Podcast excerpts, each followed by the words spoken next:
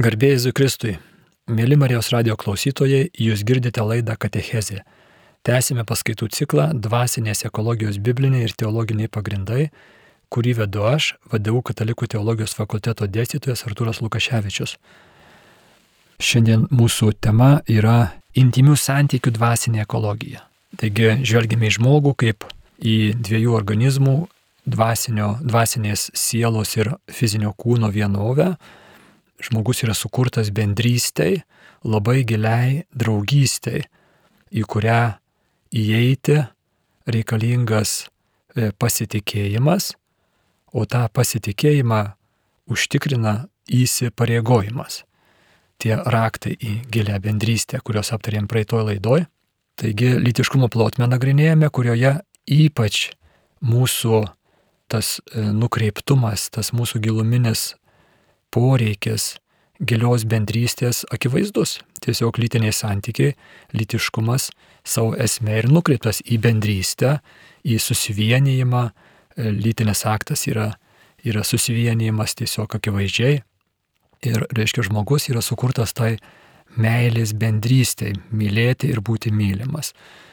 Ir šitoje labai svarbioje srityje yra ypač daug e, sužeistumų, ypač daug e, problemų, kadangi tai mums labai svarbu yra.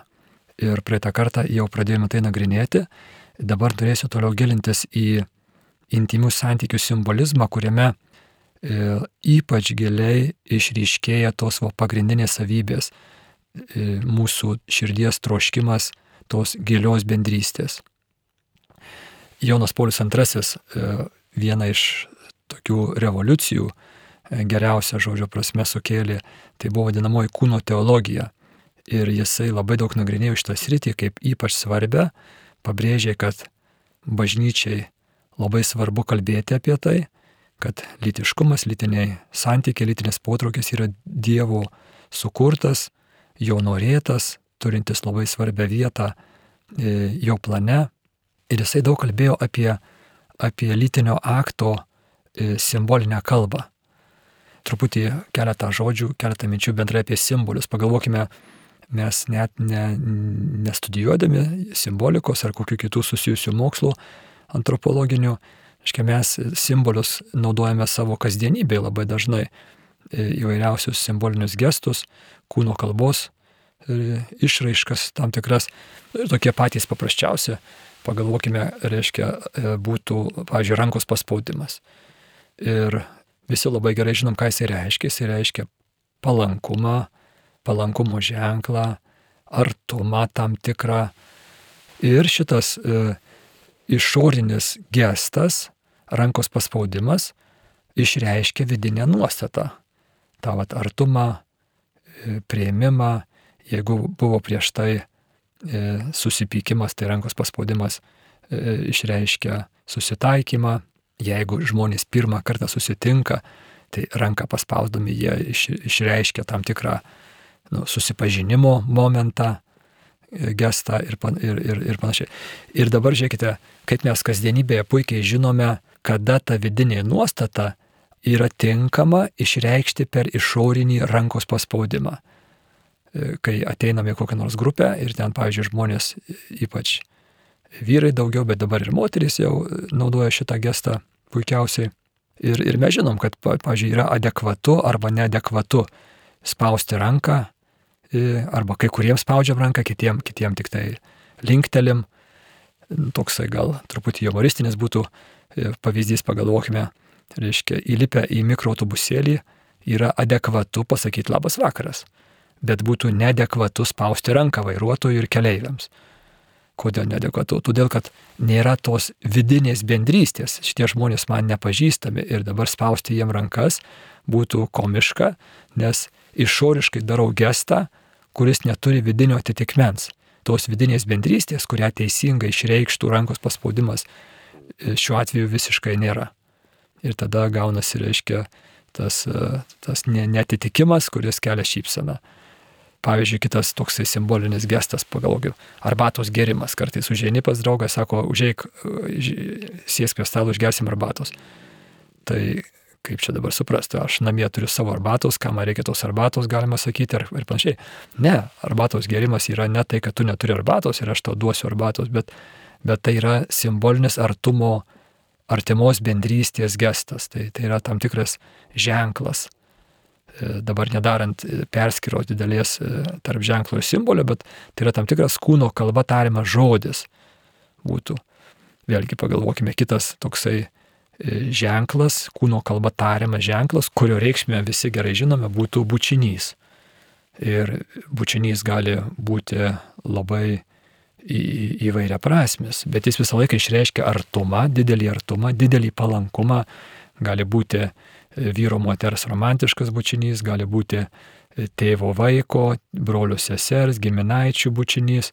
Taigi bučinys išreiškia didelį artumą, ir tą vidinę nuostatą, reiškia tą palankumą, artumą ir kartais, žiūrėkime, susitinkam draugų būrys yra arba giminaičių būrys, kai kuriems spaudžiam rankas, su kitais, reiškia, pasibučiuojame.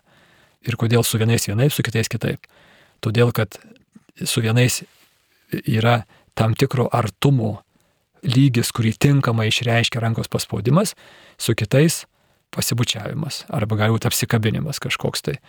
Tai vėlgi stebėkime, kaip mes gerai žinome, koksai išorinis gestas tinkamai išreikš mūsų santykių e, lygmenį, koks tas lygmuo yra ir tada mes atitinkamai reiškia, jį išreiškėme ar tai bučiniu, ar tai rankos paspaudimu, ar tai apsikabinimu, kažkaip tai panašiai. Na va, ir e, lytinis aktas irgi yra e, šia prasme simbolinis veiksmas, kūno kalba tariamas žodis, kuriuo sakome aukščiausių įsipareigojimo žodį. Tai yra darome pareiškimą pačio aukščiausio lygmens atsidavimo. Tai reiškia, aš, aš esu tavo, o tu esi mano. Tas reiškia kūno kalba tariamas didžiausio artumo. Jeigu mes turime rankos paspaudimas, bučinys, apsikabinimas, simboliniai išoriniai gestai, Tai štai e, lytinis aktas šioje plotmėje taip pat yra simbolinis gestas, kurio tariamas jau paties aukščiausio lygmens. Aukštesnio nėra. E, ir juo išreiškiama tas visiškas e, savęs atidavimas.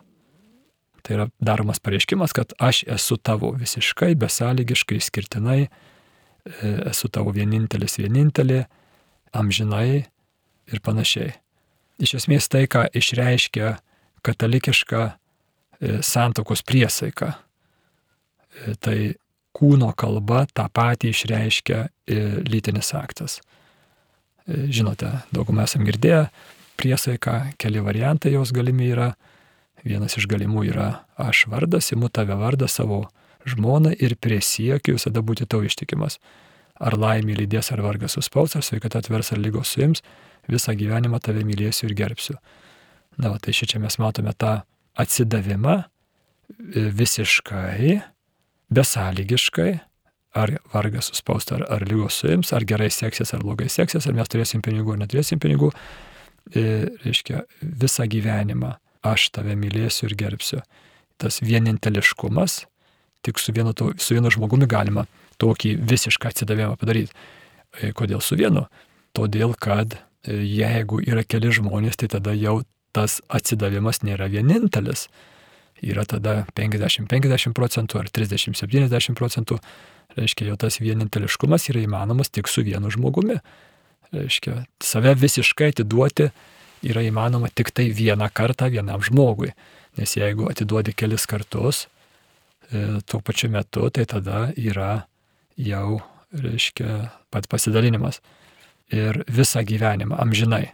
Ir kreipim dėmesį, kaip šita katalikiška santokos samprata, kurią išreiškia santokinė priesaika žodžių kalba, o lytinis aktas kūno kalba, kaip jisai sutampa su populiarioje kultūroje, kurias dainos populiarios išreiškia ir mes nuolat girdime tą pasikartojantį motyvą, kad aš esu tavo vienintelis vienintelė, niekas mūsų niekada neišskirs, mes busim kartu amžinai, reiškia ir taip toliau. Ir va šitie motyvai, kurie vyrauja nu arba jau bent jeigu nevyroja, tai tikrai plačiai girdimi masinėje kultūroje, atrodytų keistoka, nes tikrai tie kūrėjai tų dainų ir atlikėjai labai retai kada bus geri praktikuojantys katalikai, o štai jų tekstų motyvuose nuolat skamba labai katalikiški pareiškimai. Kodėl? Todėl, kad šitie žodžiai išreiškia žmogaus prigimtį. Mūsų širdis, širdis yra sukurta santykiui, kuris yra vienintelis, išskirtinis, įsipareigojęs amžinai ir, ir taip toliau.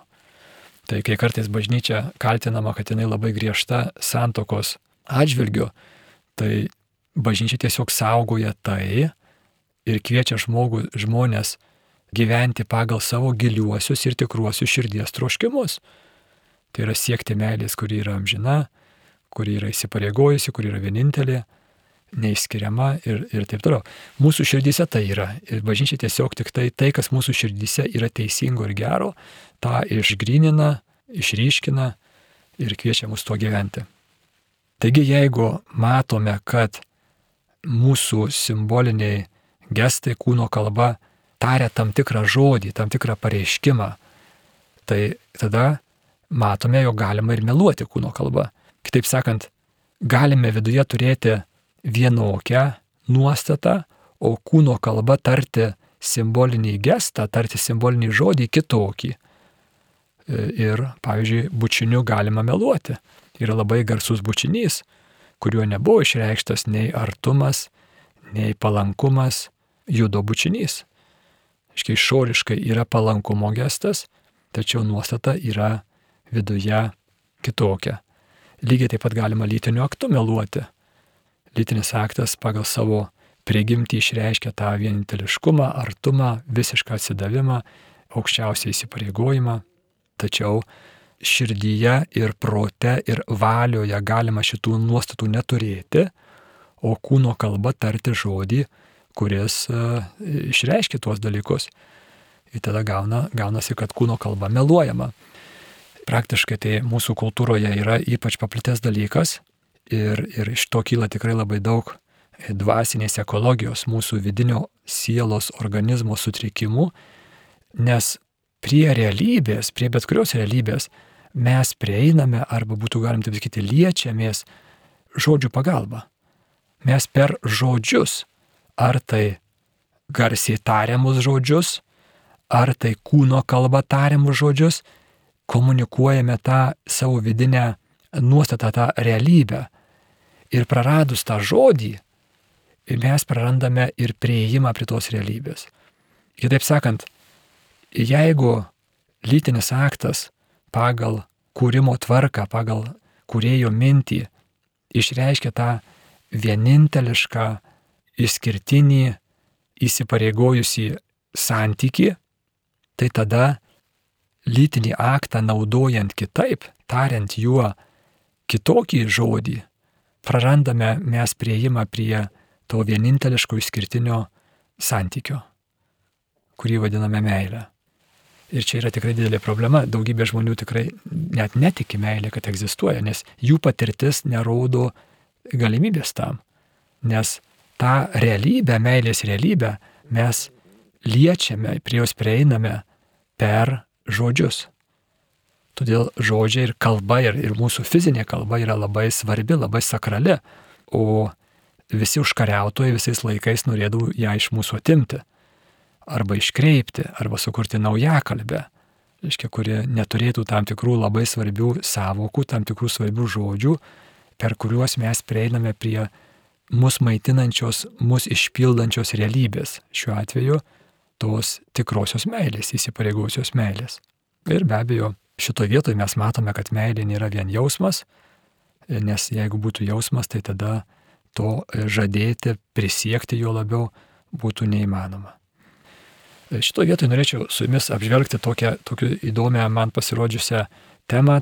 Amerikiečių psichologas prieš 20-30 metų buvęs vienu tokių įtakingiausių Junktinėse valstijose šeimos psichologų Jamesas Dobsonas e, vienoje iš savo knygų aptarė žingsnius į gilę bendrystę romantiškose santykiuose, kurie gerai iliustruoja šitą mūsų išorinio, išorinio kūno kalba tariamų žodžių simbolizmą. Taigi, paimsime labai paprastą situaciją, vaikinas ir mergina, vyras ir moteris, reiškia, juda savo draugystę, savo draugystės, reiškia, procesas e, vyksta ir jie, ta draugystė gilėja. Kreipkime dėmesį, kad bendrystės ugdymas, tas draugystės augimas yra ilgas procesas. Kodėl? Nes užtrunka laiko, kol protas ir širdis e, atsivers, užaugins pasitikėjimą ir atvirumą. Reiškia, kol protų ir širdies lygmenyse atsiranda pasitikėjimas ir iš to kylantis atvirumas, užtrunka laiko. Tiesiog mes žmonės tokie esame, mes e, greitai ne, nesugebame, ne, ne, nemokame, mums neišeina greitai pradėti pasitikėti ir atsiverti mes po truputį.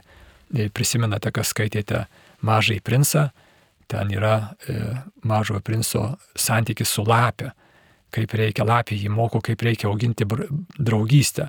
Ir sako, tu turi ateiti kiekvieną dieną tą pačią valandą, atsisėsti šalia manęs ant suoliuko, e, bet negalima iš karto arti atsisėsti, turi atsisėsti ant suoliuko kitam gale ir po trupučiuką vis arčiau atsisėsti, kiekvieną dieną po truputėlį vis arčiau atsisėsti. Tai va čia yra toksai labai paprastas vadovėlinis pamokymas, kaip, reiškia, kaip mūsų santykiai auga. Kodėl? Todėl, kad mes greitai nesugebame sukurti pasitikėjimo. Mes turim pažinti tą žmogų, tam užtrunka laiko, sužinoti jo vertybę, sužinoti jo praeitį, sužinoti jo šeimą, e, šeimos ten situaciją, kažką tai iš vaikystės. Aiškiai, mes po truputį augame šitame. Ir Dobsonas sako, tas, tas reiškia, tas mūsų širdžių ir protų ir valių augimas bendrystėje, atsiverimas bendrystėje, išsireiškia tam tikrais išoriniais gestais, simboliniais gestais. Ir jis aišku buvo amerikietis, tie gestai šiek tiek kultūriškai yra sąlygoti, bet didelė dalis iš jų, iš jų yra lengvai atpažįstami ir Lietuvoje. Ir aš tuoj per juos perbėgsiu. Taigi jisai sako, nu įsivaizduokim, reiškia, vaikinas ir mergina, gal studentai, reiškia, pradeda jausti viens kitam simpatiją. Kažkaip tai pastebi vienas kitą. Viskas prasideda nuo neįpareigojančių pokalbių ir kasdienio bendravimo pažįstamų, bendramokslių, bendradarbių rate. Tai gali būti pasitarimas, koks tai pokalbis studijų klausimais, pasikonsultavimas ar kartu namų darbų darimas ir panašiai. Kol kas šitame lygmenyje Dobsonas sako, bet kuriuo momentu dar galima atsitraukti, kito neatstumint. Reiškia, dar nėra jokių e, formalizuotų išraiškų, rodančių kad tarp mūsų kažkas tai yra ypatingesnio ir jeigu nėra nieko ypatingesnio, tai tada galima bet kuriuo momentu tuos santykius nutraukti ir nebus kitas žmogus e, atstumtas. Tačiau toliau augant vienybei, jinai pradedama išreikšti simboliniais fiziniais veiksmais ir gestais. Ir tie fiziniai e, veiksmai ir gestai, pastebėkime, reiškia, jie netlieka jokios funkcijos, bet jie yra ženklai jie ženklina bendrystės augimo etapus. Dobsonas įskiria keliolika tų etapų, iš jų ryškesni ir mūsų kultūroje akivaizdžiai pastebimi, tai pastebėkime, toks pirmas labai ryškus, tai būtų susikabinimas už rankų. Susikabina už rankyčių ir žiūrėkite jau kokie dvyliktokai, ar ten dešimtokai, ar studentai, reiškia jau jau ateina vyrukas ir mergina, susikibę už rankyčių. Ir dabar taip tą, tą patį reiškinį, tą patį ženklą, susikabinimo ženklą, truputį panagrinėkime, kodėl jis yra daromas. Ar gatvėje slidu, ar ledas, ar reikia prilaikyti, kad ne, ne, nėra jokios funkcijos, jis netlieka jokio darbo, tas susikabinimas už rankyčių. Tai kam jie susikabina, jeigu netlieka jokios, jokio naudingo darbo? Tai yra ženklas, tai yra pareiškimas. Tuo pareiškimu jie išoriniam pasauliui, bet ypač vienas kitam labai garsiai sako. Ir kągi jie sako, mes visi žinom, ką jie sako. Jie sako, mes jau draugaujame, mes jau esame pora. Ir, ir reiškia, ir vienas kitam tą sako šituo be žodžių tariamu kūno kalba, tariamu gestu ir be abejo visiems aplinkiniams. Ir labai gerai visi aplinkiniai ir jie patys, jau jie patys tai tikrai labai gerai žino šito E, kūno kalba tariamo žodžio reikšmę, ką jisai reiškia. jau jisai reiškia tam tikrą išskirtinį santyki. Ir jeigu tas pats vaikinukas sekančią dieną, sekantį rytą ateitų už rankos, už rankyčių susikibęs jau su kita panele, tai pirmoji teisėta jam turėtų klausimų. Ir jisai nesakytų, palauk, tu čia nepatenkinta, taip, tai aš tiesiog ateinu šiandien su kokia nors tenais e, Danutė, o vakar buvau su Onutė. Ne, tai palaukti, je, tu jeigu vakar buvai su Onutė, tai tas tavo susikarimas už rankų buvo tam tikras santykio pareiškimas, kad tarp jūsų egzistuoja išskirtinis santykis, išskirtinis. Ir negali būti, reiškia, toks pats santykis su kita e, mergina. Tai va, stebėkime, kaip mes gerai žinome, ką reiškia tas kūno kalba tariamas žodis. Ir, ir reiškia, jeigu jau e, ten tas vyrukas ateina su kita panele, tai jisai turėjo prieš tai aptarti su prieš tai buvusią panelę, aptarti ir nutraukti tą santyki. O jeigu ne, tai tada jinai bus labai nustebusi teisėtai. Na, va, tai vėl žiūrėkime, reiškia, yra, yra tam tikras vidini, vidinis, reiškia, ryšys, vidinis santykis tarp jų dviejų ir tada tą ryšį atitinkamai, adekvačiai išreiškintis išorinis gestas. Šiuo atveju susikabinimas už rankų. Iki to susikabinimo už rankų turėjo tas jų santykis užaukti.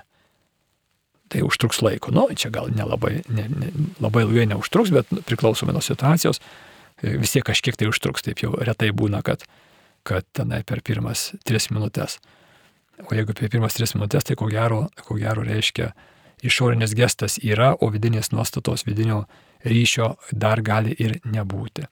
Tada Dobsonas žiūri toliau į tuos vidin, išorinius gestus, išskiria apkabinimą per pečius, apkabinimą per, per liemenį, žiūrėjimą vienas kitam į akis ir, viena, ir mums gerai žinomas bučinys.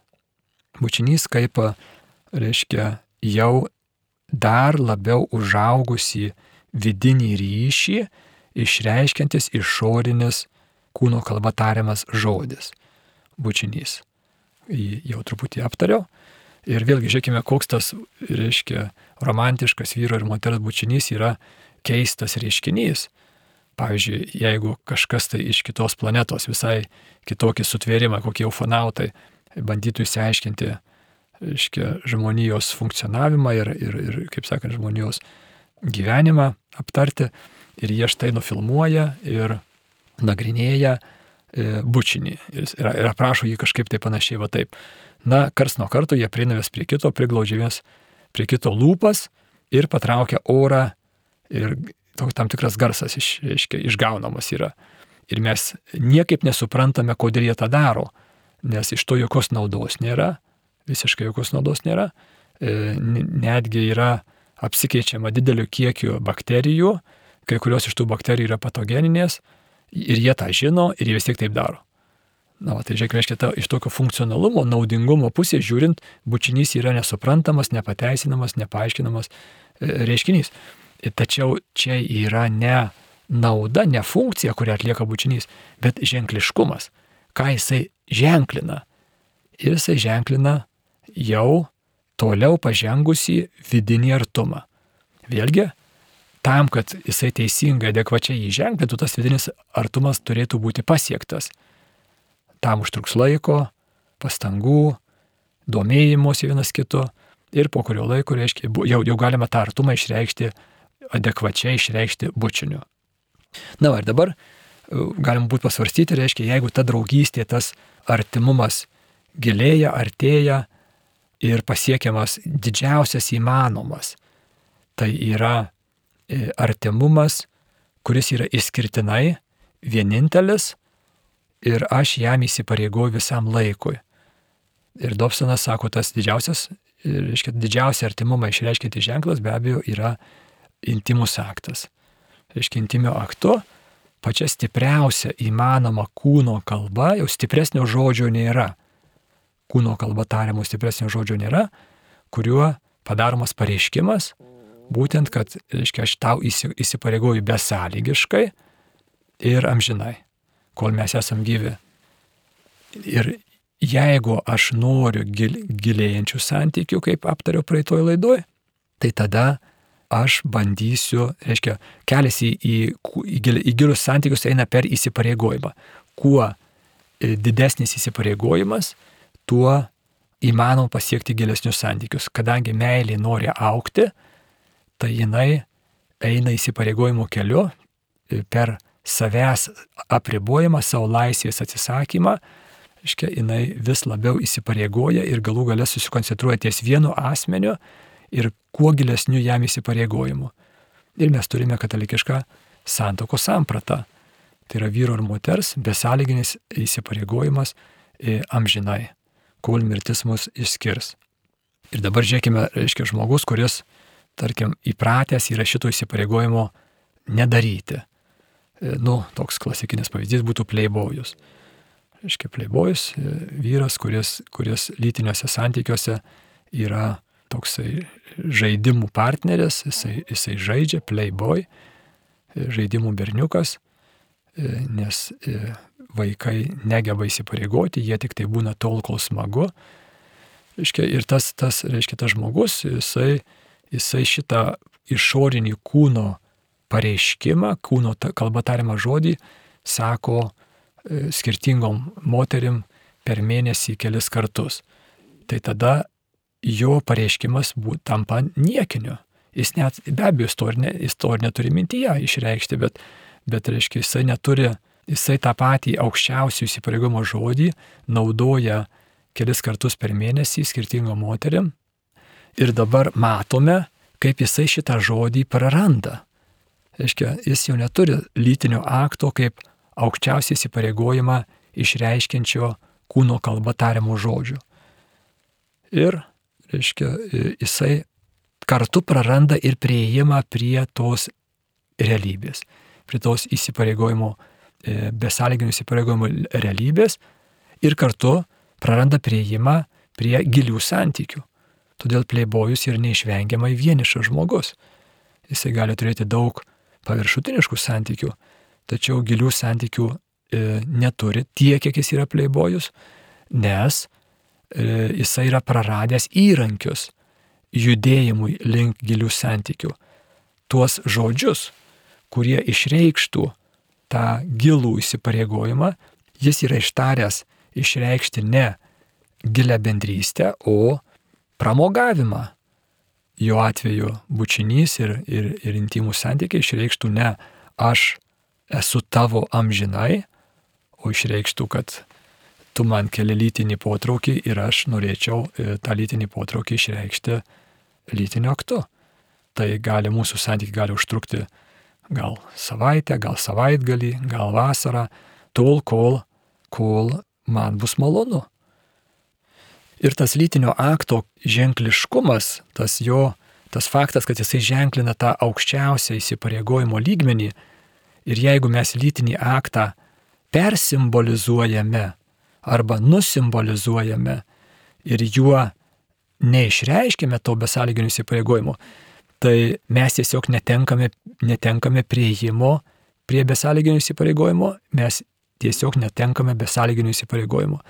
Ir va čia yra ta, ta liūdna situacija, kur, kur gausėjant nesandokiniams lytiniams santykiams per paskutinius 50 metų vienu metu augo ir e, skirybų procentas.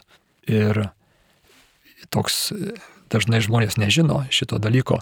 Šitą, ką kalbu dabar, tą, tą simboliškumą, tą ženkliškumą labai statistika iliustruoja akivaizdžiai. Tos poros, kurios kartu pagyvena intimų gyvenimą iki santokos, skiriasi maždaug 50 procentų dažniau negu tos poros, kurios nepagyvena kartu iki santokos. Aišku, dabar šiais laikais jau jaunimo tarpe jų yra nedaug, kadangi pats nemažai dirbau su, su, su žadėtiniais, tai, tai žinau, kad iš kitų, kurie negyvena kartu iki santokos, jau beveik neliko. Ir va šito vietoje mes matom tokį tikrai didelį paradoksą. E, dažniausiai žmonės sako šitaip, reiškia, kaipgi mes galim kartu nepagyvenę, neišbandę vienas kito, kaip mes galime tuoktis. Juk mes turime artimai susipažinti, pažinti vienas kito įpročius, tame tarpe ir turėtume susipažinti vienas su kitu intymiaus gyvenimo plotmėje, nes tai yra svarbis rytis ir tam, kad vėliau išvengtume konfliktų, skirybų, tai mes turime viens kitą pažinti plačiai, tame tarpe ir intimio, intimioje plotmėje. Dabar dėl to susipažinimo su įpročiais ir, reiškia, visais mūsų kasdienybės dalykais, tai yra visiška tiesa. Mes turim pažinti vienas kitą kuo, kuo plačiau e, ir kuo giliau, tačiau intimų santykiai yra kitas, visai kitas dalykas. Tai nepriklauso šitai kategorijai. Ir iš kur, iš kur aš tą žinau, štai ta statistika tai rodo. Tos porelės, kurios kartu pagyvena, jos skiriasi ir konfliktuoja, skirtingi šaltiniai nurodo nuo 30 iki 80 procentų, imkime per vidurį maždaug apie 50 procentų dažniau negu to, tos, kurios nepagyvena. Ir va čia keistas dalykas, nes juk jos tam ir pagyveno kartu, jos, juk tam jos ir gyveno bendrą gyvenimą, tame tarpe ir intimų gyvenimą kartu, tam, kad išvengtų vėliau konfliktų ir skirybų. Jie pasitikrino, taigi jų šansas gyventi su mažiau konfliktų ir mažiau skirybų turėtų būti didesnis negu tų porelių, kurios nepasitikrino. Lyg tai logiška būtų. Ir paaiškėja, kad ne. Ir va šitoje vietoje mes matome tą Jono Polius antrojo išdėstytos kūno teologijos praktinę tiesą. Kodėlgi tas pasibandymas, nu, ne tik neįvyksta, bet jisai duoda priešingus rezultatus. Atsakyti būtų galima išskiriant tokias dvi grupės argumentų. Pirmiausiai, bandydami pasitikrinti, ar gerai seksis intimus santykiai, poros tikrina nepatikrinamą dalyką. Todėl, kad mūsų intimių santykių kokybė labiausiai priklauso ne nuo kokių tai fiziologinių, fizinių ar net psichologinių suderinamumų, bet nuo kitų giliau esančių dalykų - nuo pagarbos, prieimimo, įsipareigojimo. Ir va šitie dalykai yra kintantis. E, aš galiu tą pagarbą šią savaitę turėti, o kitą savaitę prarasti santokoje. Ir už tai bandymas kažkaip tai pasitikrinti intimius santykius yra neįmanomas, nes, nes aš galiu nuotaikos blogos būti, supykti, apriekti ir tada fiziologinis suderinamumas ne prie ko yra visiškai, reiškia, intimus santykiai e, yra nu, neįmanomi, jeigu aš, aš švaistausi savo e, blogą nuotaiką. Taigi, taigi, reiškia, pirmiausiai, tai jie bando patikrinti tai, kas yra kintantis dalykas priklausantis nuo kitų labiau giluminių santykius įtakojančių dalykų. Tai yra pagarba, artimumas, patikimumas ir panašiai. Antras dalykas, kuris, kuris dėl ko šitas pasibandymas yra pasmerktas žlugti ir netgi duoti priešingus rezultatus, yra tai, kad pats pabandymo, pasitikrinimo e, nusistatymas rodo neteisingą kryptį reiškia, jie bando tam, kad nebūtų problemų. Tai o šitą vat nuostatą bandome, pasi, pasibandysime tam, kad vėliau nebūtų problemų. Jau rodo neteisingai šities poziciją. Nes problemų bus, jų bus neišvengiamai.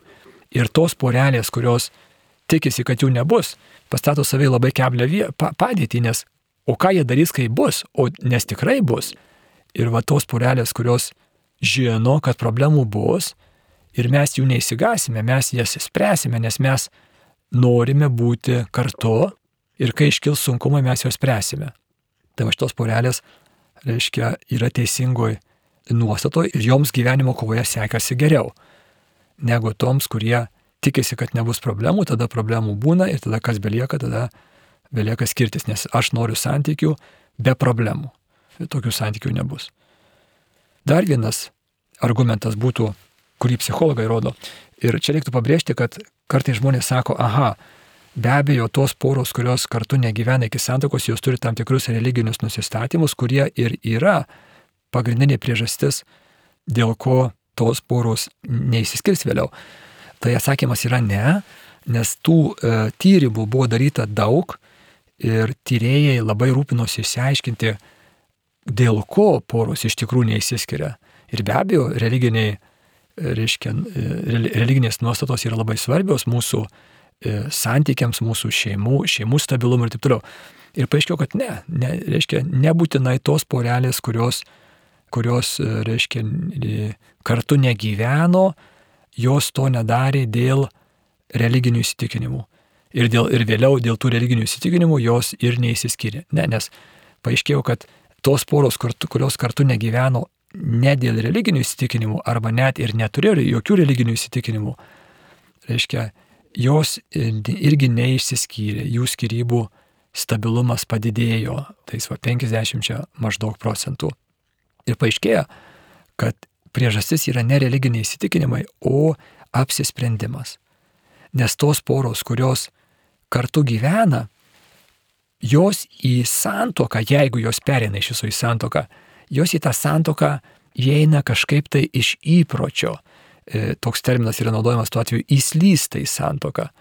Tiesiog jie kažkaip tai gyveno, gyveno, gyveno, gyveno ir kažkaip taip, nu taip, vat, ir pateko į santoką.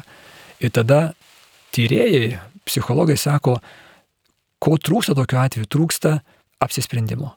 Reiškia, jie nedaro apsisprendimo ir tas apsisprendimo trūkumas yra tai, kas vėliau jiems labai trukdo išgyventi santokos neišvengiamus sunkumus ir konfliktus.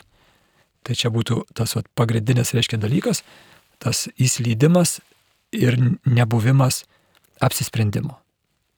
Ir be abejo, prarandamas, e, kartu gyvenant iki santokos, prarandamas tas draugavimo be lytinių santykių laikotarpis, kuris yra labai svarbus. Ir va tam laikotarpyje, tam draugavimo laikotarpyje be intimų santykių turėtų labai stipriai vystytis įvairios vadinamosios meilės kalbos, kai palankumas, artumas, prieraišumas išreiškiamas įvairiai. Iškia, kartu leidžiant laiką, kartu domintis, turint tos pačios hobius, kalbantis, domintis praeitimi to žmogaus, tau brangaus žmogaus ar jo svajonėmis. Iškia, va, tie, tie, tie įvairūs būdai turėti kuo didesnį sąlyčio paviršių e, labai stipriai auga tada, kai įsimylėjėliai geidžia vienas kito intimi, intimiai plotmėje, tačiau to, to potraukio neišreiškia intimiu aktu. Ir tada vaikinas e, stengiasi iš visų jėgų savo, savo mylimosios sužinoti mėgstamą teatro spektaklį ar, ar ten kokią nors teatro stilių ir gauti bilietus. O, o mergina stengiasi įsiaiškinti jo, jo skonį ir išvirti pačius skaniausius pasaulyje pietus tas vat, nerimasis iš kailio vienas dėl kito yra labai svarbi nuostata, kurią reikia pradėti ir labai padeda tas draugavimas bentinių santykių ją pradėti, kuri vėliau bus labai naudinga ir reikalinga e, šeiminėme gyvenime. Ir jeigu šitam e, iki santokinėme laikotarpyje jinai yra neužšaukdoma, vėliau bus sunku ją iššaukdyti. Nes kiekvienas laikotarpis turi savo namų darbus, taip sakant, atlikti, netlikus namų darbų viename laikotarpyje e, bus sunku sėkmingai gyventi ir pereiti į sekantį laikotarpį. Mėly Marijos radio klausytojai, jūs girdėjote laidą Katechezė, kurią vedžiau aš, vadovau Katalikų teologijos fakulteto dėstytojas Arturas Lukaševičius. Likite sveiki.